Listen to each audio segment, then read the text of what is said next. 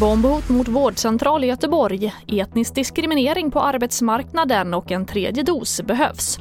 Ja, först i TV4-nyheterna. Två stora polisinsatser pågår i Göteborg. Polisen har slagit till mot flera adresser som kopplas till en 55-årig man som misstänks ligga bakom explosionen i ett flerfamiljshus i tisdags. Samtidigt har en vårdcentral på närliggande Vegagatan utrymts efter ett bombhot. Hotet tas på allvar och nationella bombskyddet är på plats. Här hör vi Anna Göransson, presstalesperson på polisen. Eh, den här vårdcentralen den är utrymd på patienter och på personal.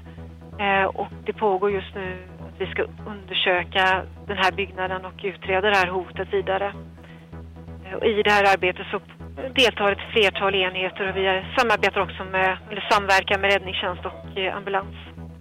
Och polisen vill inte säga om insatserna har en koppling till explosionen i tisdags och mer om det här kan du se på tv4.se.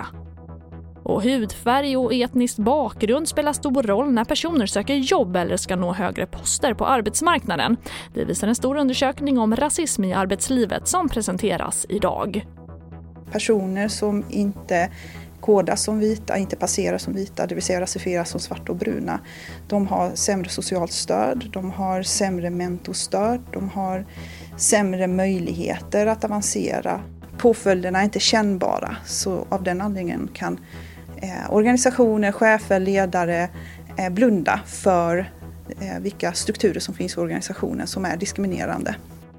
Och det sa Sima Wolgast, lektor i psykologi på Lunds universitet. Och vi avslutar med att för första gången på länge höll idag Folkhälsomyndigheten en fysisk pressträff. Statsepidemiolog Anders Tegnell pratade om behovet av en tredje vaccindos hos vissa grupper, framförallt äldre och personer i riskgrupp. Men fokus låg på vikten av att fler i samhället vaccinerar sig.